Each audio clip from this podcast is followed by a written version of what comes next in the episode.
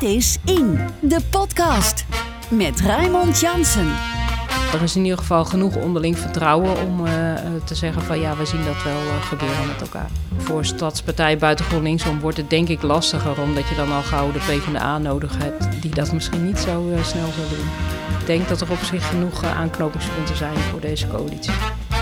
Denk zelf hè, dat bijvoorbeeld de Stadspartij en de Partij van de Arbeid op heel veel punten ze elkaar ook juist heel goed zouden kunnen vinden het onderwerp waarop het het spannendst wordt tussen uh, deze vier partijen, dat is denk ik wel mobiliteit. En of dan GroenLinks moet inleveren of de Stadspartij of allebei een beetje. Ik denk dat het op verschillende punten nog fout kan gaan. Mijn gast van deze week is informateur van GroenLinks, Helene de Boer. Mijn naam is Raymond Jansen en dit is jaargang 2, aflevering 53 van In de Podcast. Ja, mevrouw de Boer, welkom in de podcast. Mijn eerste vraag aan elke gast is altijd: wat is u opgevallen in het nieuws? Nu woont u in Utrecht en niet in Nijmegen, maar misschien kunt u toch eens iets zeggen. Wat valt u nou op als u zo deze dagen het nieuws volgt? Nou, wat mij uh, opgevallen is natuurlijk ook omdat ik de afgelopen uh, tijd daar zelf mee bezig ben geweest, is dat langzamerhand op verschillende plekken duidelijk wordt wie daar de coalitie moeten gaan vormen. En vanochtend is dat toevallig ook in Utrecht uh, bekendgemaakt. Kijk. Dus ja, dat vond ik leuk nieuws om de dag mee te beginnen. Ja, want u was lang raadslid voor GroenLinks in, in Utrecht. Uh, ja. Niet meer, hè? Nee, klopt. Ik ben twaalf jaar raadslid geweest voor Drie GroenLinks. termijnen? Ja, drie termijnen. Dus het was ja. wel mooi voor u? Ja, het was uh, mooi geweest. Ik had ook aan het begin van de afgelopen periode gezegd dat het de laatste zou zijn. Dus uh, ja. Is dat dan wennen, zo vanaf de zijlijn dit moeten meemaken? Nou, ik moet zeggen, juist omdat ik in Nijmegen natuurlijk nog hard uh, bezig ben geweest, ja. uh, ben ik nog niet in het zwarte gat gevallen wat iedereen mij voorspeld heeft. Nee, dus, uh, maar twaalf jaar politiek en dan daarmee stoppen is toch wel ja, een behoorlijke overgang. Ja, zeker. Maar goed, ik uh, blijf ook uh, zeker nog uh, wel maatschappelijk actief. En ook bij de partij natuurlijk in de stad. Dus ja, dat betekent niet dat ik niks meer volg. Nee, Stra straks uitgebreid over die informatie in Nijmegen natuurlijk. Maar heeft u die rol al eens eerder gehad als informateur? Nee, als informateur niet. Ik heb wel twee keer aan de andere kant van de tafel gezeten als onderhandelaar. Uiteraard. Dus dat ja. heb ik wel gedaan, ja. Dit was wel een soort van logische stap om zoiets eens een keer aan te pakken? Ja, omdat toch gezocht wordt naar mensen die wel uh, verstand hebben van de lokale politiek. En ook uh, van hoe zo'n onderhandelingsproces uh, dan eigenlijk gaat. En dat had ik natuurlijk wel. Aan de andere kant zochten ze in Nijmegen ook wel iemand die dan niet de kennis heeft van alles wat daar gebeurd is. Zodat je er ook met een frisse blik naar kunt kijken. Ja, dus, dus gepaste afstand. Logische, ja, ja, precies. Kijkt u dan ook met een andere blik naar, u noemde net de formatie, of in ieder geval het proces in Utrecht. Um, met een andere blik naar, naar ja, wat u over andere gemeentes leest en hoe, de, hoe dat proces daar verloopt? Nou, met een andere blik weet ik niet per se. Kijk, je vergelijkt natuurlijk wel van hoe snel gaat het allemaal. En uh, ja, zit je een beetje op hetzelfde uh spoor in ja. de zin van uh, hoeveelheid partijen, breedte van een coalitie. Ja. Dus dat, ja, in die zin kijk je misschien wel net iets anders dan ja. daarvoor. Dat klopt. Want mensen kijken u natuurlijk aan met de blik van, nou, u gaat het vertellen. Um, ja. Ze verwachten wel wat van u. Ze verwachten wel wat, dat klopt. ja. ja. Dus, dus daarom misschien ook met een andere blik of met een bijzondere, in dit geval informateursblik naar die andere uh, processen. Ja, en zeker met uh, bijzondere interesse inderdaad. Ja. ja. Dit is In, de podcast. Maandagmiddag presenteerde Helene de Boer samen met Quirijn Lokker van GroenLinks haar bevindingen met het oog op de vorming van een mogelijke coalitie in Nijmegen. Ze stelde voor om vier partijen met elkaar door te laten praten om tot samenwerking te komen. GroenLinks, de Stadspartij Nijmegen, D66 en de Partij van de Arbeid. Voordat we inhoudelijk ingaan op het hele proces, kunt u eens uitleggen wat uw taak inhield en hoe bent u te werk gegaan?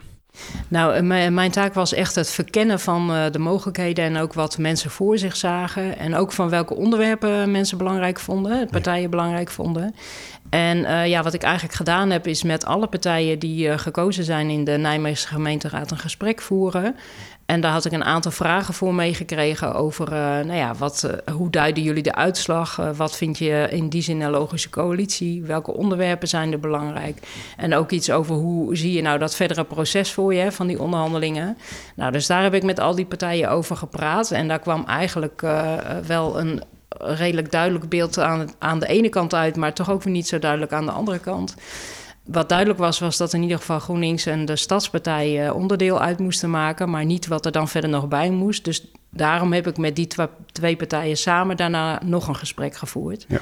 En eigenlijk op basis daarvan een beetje de balans opgemaakt. De eerste vraag die u stelde, hoe duidt, hoe duidt u de uitslag? Hè? Met alle, denk, fractievoorzitters hè, die er dan ja. aan tafel komen. Ja. Was dat antwoord eigenlijk ook telkens hetzelfde? Nee, dat uh, verschilt natuurlijk wel naar uh, hoe partijen er naar kijken. Hè? Want ze kijken ook een beetje naar wat betekent het nou voor ons. Dus je kijkt heel erg vanuit jezelf. Uh, nou, je zag wel dat eigenlijk wel iedereen zei van uh, de stadspartij is duidelijk gegroeid, hè, meer dan verdubbeld. Ja. Dus dat betekent wel dat je na moet denken over hoe betrek je nou meer Nijmegenaren bij de politiek uit allerlei verschillende buurten en wijken. Ja, als ik u onderbreken mag, hè, want dat las ik ook in uw verslag. je zou toch denken dat elke partij die in de Nijmeegse gemeenteraad actief is, die wijken en die burgers zo belangrijk zou vinden. Niet alleen een stadspartij. Nee, klopt. En dat is ook zo, hè? dat zeggen partijen ook. Maar ja. Uh, ja, sommige partijen zeggen wel, kennelijk is dat al ons onvoldoende gelukt. Hè? Omdat uh, toch en de stadspartij groot geworden is en natuurlijk de uh, opkomst dan toch wel tegenvalt. Ja. Uh, dus uh, nou ja, dat is wel uh, dat partijen zeggen van ja, daar moeten we echt nog meer aandacht aan besteden. Uh, en van daaruit vonden ook eigenlijk alle partijen het wel goed dat de Stadspartij ook echt mee zou doen in een coalitie. Omdat uh, nou ja, zij kennelijk wel uh, een deel van de mensen weten te bereiken ja. die andere partijen ni nog niet weten te bereiken. Ja. U heeft eerst met alle fractievoorzitters afzonderlijk gesproken. Daarna bent u ook met, met Stadspartij met GroenLinks gezamenlijk nog een keer aan tafel gegaan. Ja. Ja. Wat, is, wat was het doel van dat gesprek? Het doel van het gesprek was eigenlijk tweeledig. Aan de ene kant een beetje meer uh, feeling krijgen voor die partijen van hoe kijken we eigenlijk naar elkaar. Hè? Wat zijn de beelden die we over elkaar hebben en zien we ons uit uh, moeilijke onderwerpen zoals woningmarkt, maar ook mobiliteit, duurzaamheid. Zien we ons daar gezamenlijk uitkomen? Want programmatisch liggen daar natuurlijk wel verschillen. Uh, dus is dat vertrouwen, is dat er, zeg maar. Dat was aan de ene kant uh, het uh, doel. En aan de andere kant ook wel verkennen van... ja, welke partijen zouden hier nou nog bij moeten? Omdat er eigenlijk, ja, ze eigenlijk een ja. verschillend, verschillende voorkeur hadden. Ja. Wat dat betreft. U schrijft in uw verslag dat alle partijen vinden... dat er in eerste instantie dus met GroenLinks en met Stadspartij gesproken moet worden. Tegelijkertijd is daarbij ook het besef... dat op onderdelen deze partijen echt dus mijlenver uit elkaar liggen... Lag het dan voor u niettemin uh, voor de hand om toch met die twee aan de slag te gaan? Ja, dat denk ik wel. Ook omdat in dat tweede gesprek wat ik dan met hun samengevoerd heb, uh, echt wel bij beide het vertrouwen was van ja, wij kunnen er wel uh, met elkaar uitkomen. Ook bijvoorbeeld een onderwerp als uh, klimaat. Daarvan zegt ook de Stadspartij van ja, we zien echt wel dat er wat moet gebeuren. Dat ziet onze achterban ook. Maar dan gaat het meer om welke dingen dan en de manier waarop. Hoe krijg je mensen mee? Ja. Uh, dus ja, ik, ik denk zelf wel dat er echt mogelijkheden liggen en dat, er ook, ja, dat het er ook sterker van kan worden. Omdat je ook in zo'n energietransitie bijvoorbeeld, moet je ook mensen meekrijgen. Want anders dan hoef je er niet eens aan te beginnen. Nee. Dus ja, ik denk dat er juist ook heel veel kansen liggen voor zo'n coalitie. Ja, aan de andere kant, als je puur kijkt, ook naar de campagne die gevoerd is, de onderwerpen die ter sprake kwamen, mobiliteit noemde u al. Ik zie ze niet 1, 2, 3 het erover eens worden, als ik heel eerlijk ben. Nou, je hoeft natuurlijk ook niet op alles, uh, uh, zeg maar, het in die zin eens te worden dat je allebei hetzelfde vindt. Je kan ook of ergens soms in het midden uitkomen of uh, van sommige dingen afspreken van nou, dan regelen we dat niet in een coalitieakkoord, maar dan is daar vrije ruimte over. Ja. Nou ja, dat zijn natuurlijk gesprekken die verder nog mo moeten beginnen. Hè. Dat gaat ook iemand anders doen, daar ja. ben ik verder niet bij betrokken. Maar nou ja, er is in ieder geval genoeg onderling vertrouwen om te zeggen van ja, we zien dat wel gebeuren met elkaar. Hadden de beide partijen enige andere keuze dan onderling vertrouwen uit te spreken gegeven de uitslag? Ja, er zijn natuurlijk wel andere opties. Um, en daar is uh, in eerste instantie in ieder geval niet voor gekozen. Nee. Kijk, je, je, je hebt ook opties uh, in ieder geval voor GroenLinks met uh, D66 en een aantal andere partijen. Voor Stadspartij buiten GroenLinksom wordt het denk ik lastiger... omdat je dan al gauw de PvdA nodig hebt... Ja. die dat misschien niet zo snel zal doen. Nee, maar goed, want... andere opties waren er wel... maar iedereen zei eigenlijk van deze twee zouden de basis moeten vormen. Ja. Ja, want de voorkeurscoalitie van GroenLinks is er eentje met Stadspartij, de Partij van de Arbeid en de Partij voor de Dieren. Ja. in die coalitie um, lijkt de Stadspartij met name ook mee te doen als een soort katalysator naar die wijken toe. U noemde hem zojuist ook al. Hè? Uh, en de Partij voor de Dieren als steun voor het groene beleid. Of lag er in die combinatie ook een andere taak, een bredere taak van die andere twee partijen? Nou ja, ik denk dat sowieso welke coalitie je ook maakt, je uiteindelijk als partijen gezamenlijk voor zo'n uh, coalitieprogramma verantwoordelijk bent. Hè? Dus het is niet zo dat je dan uh, je eigen onderdeeltje alleen maar doet. Nee, maar als je het vier jaar met elkaar wil volhouden, dan is het wel fijn als ja, iedereen je ook serieus neemt. En als je als Partij voor de Arbeid of Partij voor de Dieren alleen maar mag aanschuiven om een ander eh, onderwerp eh, te steunen, dan kan ik me voorstellen dat ze daarvoor bedanken.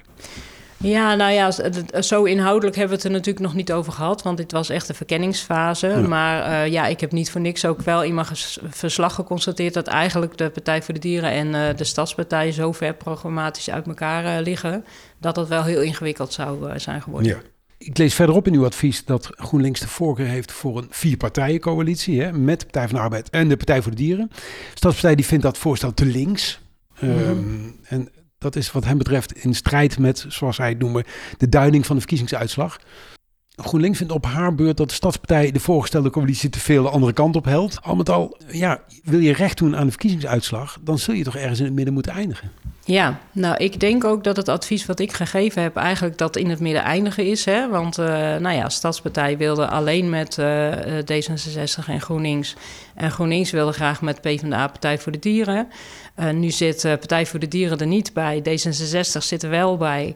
En de PvdA is dan ook toegevoegd. Dus eigenlijk hebben ze dan allebei een beetje hun zin gekregen. Ja. En zit het wel redelijk in het midden van dat voorstel. Ja, maar allebei een beetje de zin krijgen?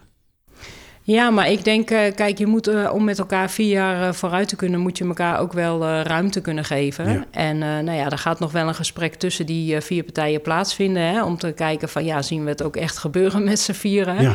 Dus dat, dat is nog wel spannend of dat ook echt zo is. Maar ja, ik denk dat er op zich genoeg aanknopingspunten zijn voor deze coalitie. Ja, als het bezwaar van de Stadspartij is dat de coalitie te links is, is het dan een logische stap om de Partij voor de Dieren te vervangen door de Partij van de Arbeid? Nou, in de oorspronkelijke uh, zeg maar, idee van GroenLinks was natuurlijk niet uh, Partij voor de Dieren uh, vervangen door de Partij van de Arbeid. Want dat was Partij van de Dieren en Partij van de Arbeid. Ja. Dus eigenlijk zou je kunnen zeggen dat D66 misschien de Partij voor de Dieren dan heeft ja. vervangen Vooruit. in die, ja. in die context. Maar nogmaals, doet dat dan wel recht aan de uitslag?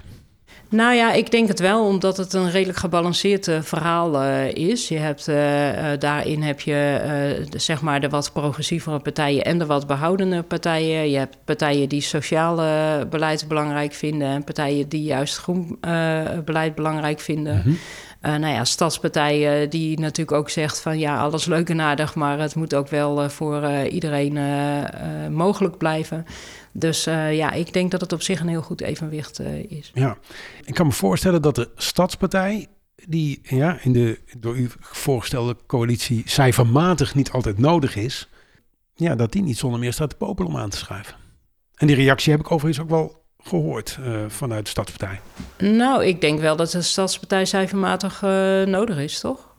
Ik zit nu even snel te nou. Ja, maar... Laat ik het anders formuleren. Uh, GroenLinks heeft vanuit haar positie eigenlijk altijd wel een, een, partij waarmee ze haar plannen in ieder geval gerealiseerd kan krijgen. Terwijl GroenLinks natuurlijk maar twee zetels groter is dan de Stadspartij.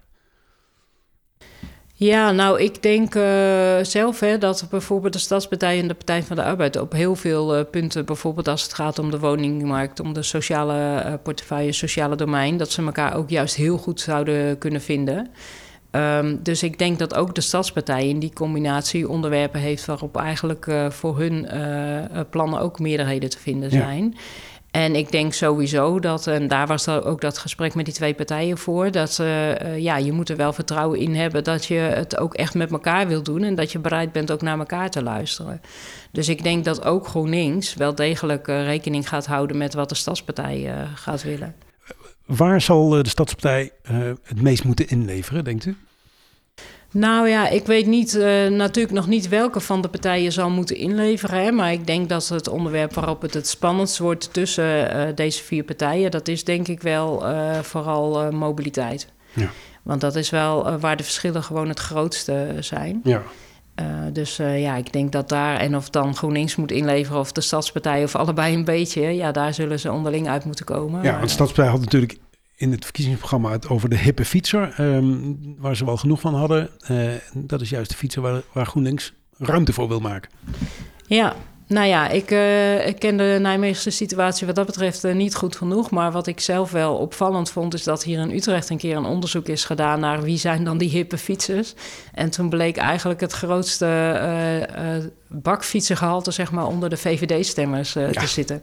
Dus, ja, daar heeft de premier nog een keer een grapje over gemaakt in de richting van Jesse Klaver, kan ja, me herinneren. Ja, dat, precies. Het, dat die in elkaars electoraat aan het vissen waren. Niettemin, er zijn grote verschillen tussen die twee. Ja. Ze zullen met elkaar aan tafel moeten. Het kan haast niet anders. Het voelt moeizaam, laat ik het zo zeggen.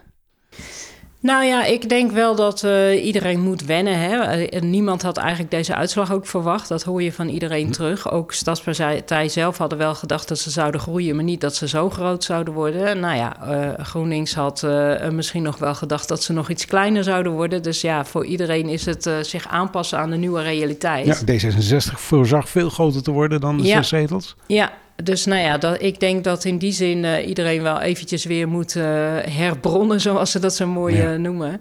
Ja. dus, maar ik, ja, ik denk dat die re realiteit is ook gewoon wat het is. En in de politiek ben je ook gewend om daarmee om te gaan en daar je op een gegeven moment weer naar te vormen. Dus ik denk dat het best wel toekomst heeft. Terugbladeren. Elke week bladert Rob Jaspers terug door oude kranten op zoek naar berichten die actueel blijven. Rob, um, het veelbesproken stationsgebied, daar wil jij het nog eens een keer over hebben.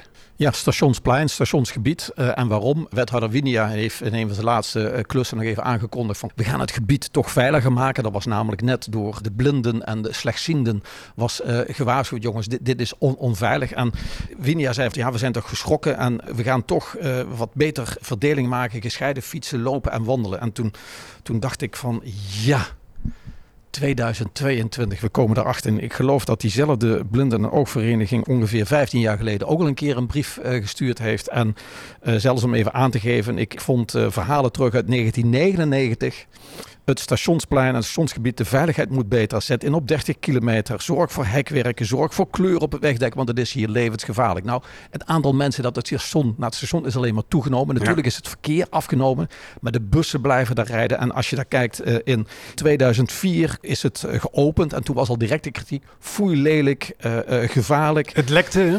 Het, het lekt ook nog de kelders, maar vooral het gevaar buiten. Uh, ik, ik heb het zelfs wel eens in een column in 2011 genoemd. Het slechts ontworpen en meest onveilige plein in de stad.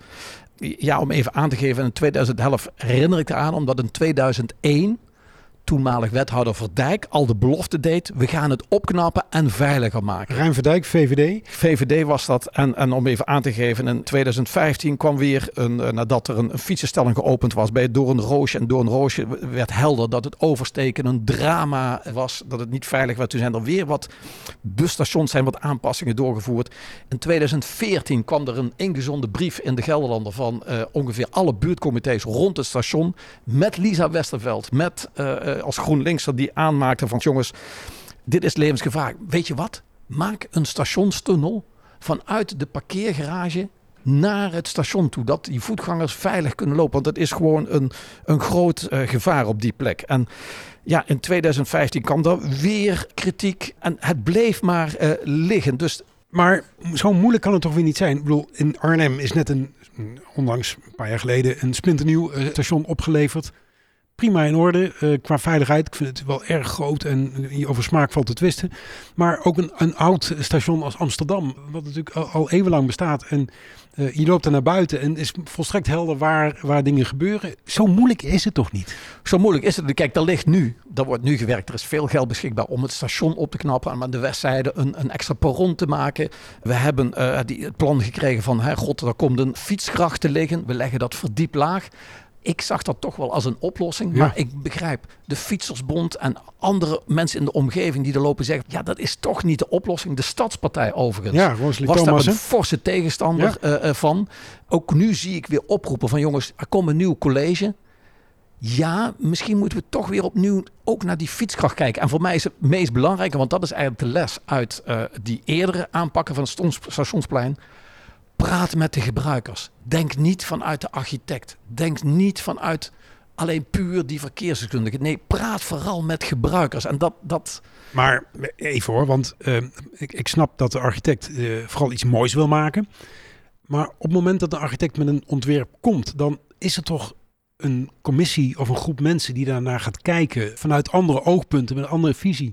En dan toch ook kan vaststellen, maar is dit wel het juiste ontwerp? Nou ja, ik weet dat rond die fietsgracht, er is een ontwerp gekomen. Dit is neergelegd werd door de Tiemens, heeft dat nog als eerste uh, uh, gelanceerd. En daarna pas zijn partijen als de Fietsersbond, uh, wandelaars, lopers, reizigersvereniging zijn erbij betrokken. En het zag er groot en mooi uit hoor. Ik, ik zelf heb in het verleden ook wel eens gepleit voor een fietsgracht in dat gebied. Ja, de gebruikers zien het toch als een handicap. Ook omdat je, je toch gevaarlijke uh, mixen krijgt. Toch met, met uh, fietsers, wandelaars en zelfs met bussen als je weer omhoog moet. En wat ook belangrijk is, sommige mensen het moment fietsers en wandelaars, dat zijn toch degenen die naar het station, die zien het stationsgebouw niet meer van veraf. Maar zeg jij nu eigenlijk dat uh, wethouder Tiemens in de tijd het plan al klaar had en toen is met, uh, met andere partijen in gesprek ging om te kijken of zij het ook een leuk idee vonden? Pas achteraf inderdaad zijn de mensen erbij betrokken. Ik heb zelf in een clubje gezeten die vanaf dag één uh, betrokken was bij het stationsplein. Maar toen is ze helemaal niet over die fietsgracht gesproken. Het ging het vooral over hoe moet het nieuwe station eruit zien. Ja. En de fietsersbond is ook pas heel laat bij zo'n verhaal betrokken. En, en ik denk van god, dit is zo'n belangrijke investering met een les van 20 jaar ellende op het stationsplein. Dan moet je vanaf dag 1 een bijeenkomst op het stationsplein beleggen met die gebruikers. Raadsleden overigens, die zijn wel naar die locatie gegaan. Maar ik, misschien is het toch een kapstok, stadspartij, misschien toch weer opnieuw met alle betrokkenen kijken naar is dit de juiste en de enige oplossing. Dit is In, de podcast. Mijn gast deze week is Helene Boer. Zij ronde maandag gaat taak als informateur af met de presentatie van haar advies. Samen met Quirijn Lokker, de fractievoorzitter van de grootste partij GroenLinks. Mevrouw de Boer, u heeft een tijdje in het stadhuis in Nijmegen rondgewandeld. Wat, is, wat was uw indruk van, van, ja, van de politieke sfeer in Nijmegen? Nou, ik was eigenlijk aangenaam verrast door uh, de sfeer die ik daar aantrof. Ik uh, vond mensen naar mij toe heel open. Uh, ook onderling, volgens mij, uh, uh, zijn de verhoudingen goed. Ik, ik, zag in ieder geval dat mensen elkaar vriendelijk groeten op de gang. ook met de griffieren wordt volgens mij ook heel goed samengewerkt. Dus ja, ik had eigenlijk wel een positief gevoel daarover. Ja, ja, toch hoor je een boel gemeenteraden waar het wel wat lelijker wordt... en wat, wat onderling wat, wat ruwer aan toe gaat. was niet uw indruk? Nou, dat was in ieder geval niet mijn indruk. Ik denk wel dat je in het algemeen ziet dat sowieso de samenleving wat, wat gepolariseerd raakt. Hè? Uh, dus uh, politiek over het algemeen ook uh, verder versplinterd. Nou begrijp ik dat in Nijmegen er juist teruggegaan is van elf partijen naar negen partijen. Ja. Dus dat er eigenlijk minder versplintering is. Nou ja, ik denk dat dat op zich niet verkeerd is, omdat het ook goed is om uh, met wat stevige partijen met elkaar een debat te kunnen voeren. Ja, ja 50 plus keert niet meer terug in de raad. En, en twee lokale partijen zijn samengegaan tot eentje. Dus dat maakt inderdaad het aanbod daar wat, wat kleiner. Ja. Er is tijdens de verschillende gesprekken met u ook gesproken over vertrouwen in de politiek en over het feit dat juist daarom er snel gehandeld zou moeten worden. Toch zijn we vandaag ruim drie weken eh, na de verkiezingen. Ja, ik zag om me heen in ieder geval al uh, gemeentes waar het vlotter ging. Waarom moest het toch zo lang duren? Nou ja, ik, ik zie ook heel veel gemeentes waar het nog langzamer ging. Hè? Dus ik denk dat Nijmegen een mooie, misschien nog wel boven in de middenmoot zit. Um, ja, waarom dat toch zo lang moet duren is omdat je echt met alle partijen samen moet uh, spreken. En zoals ik net al zei, uh, was vervolgens het beeld niet helemaal helder. Omdat wel helder was dat GroenLinks en uh, Stadspartij eigenlijk samen de basis van de coalitie ja. moesten zijn, maar nog niet wat er dan verder bij moest. dus ja, dan heb je daar nog, toch nog wat extra gesprekken voor nodig. En ja, het is natuurlijk ook zo dat uh, ook raadsleden uh, naast hun raadslidmaatschap gewoon een baan hebben over het algemeen, of een onderneming of wat dan ook. Ja. Dus die zijn ook niet elke uh, dag 24 uur nou. Bereikbaar voor dat soort gesprekken. Maar in uw opdracht lag niet zoiets als maak vaart, want ze, ze, vertrouwen ons sowieso al zo matig, die inwoners. Dus laten we nou ons eens van onze beste kant laten zien. Um, nou ja, er was wel uh, gevraagd om het uh, niet langer dan nodig te laten duren. Hè? Maar aan de andere kant is het ook zo dat je ook wel uh, zorgvuldig moet zijn om het een kans van slagen te geven. Dus nou ja, ik. U heeft er de tijd voor genomen. Ja, de, de tijd die nodig was. Precies, ja.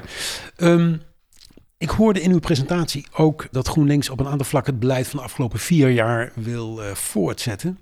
En ik las dat uh, de winst van de stadspartij nu juist te verklaren is uit het feit dat grote groepen Nijmegenaren zich niet vertegenwoordigd uh, voelden en daarom juist voor lokaal gingen stemmen. Dat heeft dat tegenstrijdigs in zich. Ja, dat uh, kan ik me heel goed voorstellen. Kijk, aan de ene kant heeft natuurlijk uh, één op de vijf mensen nog steeds op GroenLinks uh, gestemd. Hè? Van de ja. mensen die wel gestemd hebben, dan moet je er dan ja. altijd bij zeggen. aan de andere kant is de Stadspartij natuurlijk heel erg gegroeid. niet helemaal één op de vijf, maar dat komt er wel dicht in de buurt. Dus uh, uh, ja, ik denk dat die twee smaken er ook gewoon zijn in de stad. En dat het ook betekent dat je aan de ene kant ziet dat er wel uh, steun is voor het beleid van de afgelopen jaren. Want dat is ook weer niet heel erg afgestraft. Maar aan de andere kant wel ziet dat in ieder geval in dat beleid wel accenten zullen moeten verschuiven. En dat je ook in ieder geval mensen beter mee zult moeten nemen. Ja, nou, de zittende coalitie verloor de meerderheid op verkiezingsavond. Dus of, of het niet afgestraft is, daar zou je over kunnen, kunnen discussiëren. Maar een thema als mobiliteit, dat is toch wel een hoofdlijn. Dat is toch een belangrijk uh, dossier, net zoals wonen. Is het dan logisch dat je van de Stadspartij mag verwachten dat die dat beleid, waar ze geen deel van uitmaakt de afgelopen vier jaar, toch mogen gaan doorzetten samen met GroenLinks? Nou, ik denk ook niet dat het beleid uh, precies op dezelfde voet doorgevoerd zal worden als dat het de afgelopen vier jaar is uh, gebeurd. Want uh, ja, je hebt natuurlijk niet voor niets verkiezingen gehad en ook nee. weer een andere coalitie. Dus ik zei, er zullen zeker accentverschillen zijn de komende jaren. En ja, waar die, die dan precies in zitten, daar zullen partijen het onderling nog met elkaar over ja. moeten hebben. U heeft er ongetwijfeld ideeën over. Um, nou, ik denk wel op welke onderwerpen die zitten. Hè. Ik denk dat je op de woningmarkt dat je uh, heel veel gesprekken zult hebben over uh, niet alleen uh, waar en hoeveel er gebouwd gaat worden, maar ook voor wie precies. Want ja, eigenlijk zegt in eerste instantie iedereen van ja, alle doelgroepen zijn belangrijk. Ja. Maar goed, er is schaarste en dan moet je toch keuzes maken. En dan uh, komen die keuzes denk ik toch verschillend uh, uit. Ja. En ook hoeveel wil je bijvoorbeeld sturen dan op zo'n woningmarkt. Hè? Nou ja, daar zitten denk ik trouwens de verschillen niet eens zozeer tussen GroenLinks nee. en de Stadspartij, maar meer tussen aan de ene kant GroenLinks en de Stadspartij en aan de andere kant D66. Ja. Maar ja, dat zullen onderwerpen zijn waar zeker over gesproken gaat ja. worden. Ja. Maar ja, D66 is een kleine partij geworden. Dus die mogen tekenen bij het kruisje als het gaat over dat soort thema's. Nou, ik denk sowieso dat er niemand gaat tekenen bij het kruisje. Hè. Iedereen zal uh, binnen dat akkoord ook uh, echt wel zijn eigen dingen terug willen zien. En ook kunnen aanwijzen van, ja, kijk, daarom is het goed dat wij in deze coalitie uh, zitten. Dus dat die ruimte moet je ook echt aan elkaar bieden. Ja. Want anders dan gaat dat niet goed, ja, denk ik. Maar u refereert eigenlijk een beetje aan de liberale kant van D66. Hè? Zo van, waar ga je bouwen en vooral voor wie en ook door wie? Want dat is misschien ook nog wel een, een kwestie, hoewel de SP daar wat harder op zat tijdens de verkiezingen. Ik kan me voorstellen dat een partij als D66 daar niet zo snel op zou willen inleveren. Nou ja, kijk, aan de ene kant uh, uh, zie je natuurlijk dat D66 een liberale partij is en uh, graag veel aan de markt overlaat. Maar aan de andere kant op de woningmarkt zie je dat eigenlijk alle liberale partijen, landelijk zelfs ook de VVD, nu wel zeggen van ja, we kunnen het niet helemaal vrijlaten, nee. want het loopt gewoon niet goed. Dus dan gaat het meer om hoe ver ga je daarin dan of je daar echt op in moet grijpen, ja. denk ik. Um, onderwerp als sociale zekerheid benoemde u ook in uw verslag. Hè? Hoe, hoe, hoe, liggen de verhoudingen uh, te, op dat thema tussen de verschillende... Nou, ik moet zeggen dat we dat nog niet heel erg verkend hebben. Ik uh, ken vanuit Utrecht in ieder geval wel dat zoiets als armoedebeleid... dat eigenlijk iedereen dat belangrijk vindt, hè? zeker in deze tijd natuurlijk. Ja, D66 heeft kansengelijkheid weer. Wat ja. zou je daaraan kunnen relateren misschien? Ja, ja precies. Ja, D66 heeft inderdaad ook kansengelijkheid uh, wel genoemd... en ook het voorkomen van verschillende snelheden binnen de stad... Hè? dat de een harder mee kan dan de ander. Ja.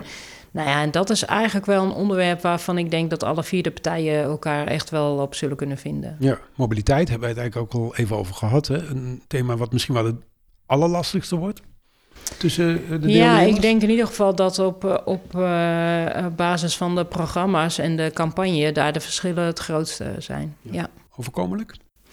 Nou, ik denk zeker dat er goede afspraken over te maken zijn, ja. ja. ja. ja. Wat wordt het belangrijkste aandeel van de Partij van de Arbeid, is uw inschatting aan deze coalitie? Ik denk dat zij heel erg zullen gaan voor uh, die kansengelijkheid en ook wel voor uh, meer sociale woningbouw. Dus ik denk dat dat voor hun belangrijke onderwerpen ja. worden. Ja. Partij voor de Dieren, dat die gaf voor de verkiezing al aan dat zij niet zo nodig hoefden. Hè? Dus als zij meedoen, dan willen ze ook echt serieus meedoen. Zij zouden, is mijn inschatting, in deze coalitie ook alleen maar aanschuiven om vooral de groene agenda van GroenLinks te steunen in deze coalitie. Of hadden zij ook wel mogelijkheden om hun eigen deel te leveren, denkt u?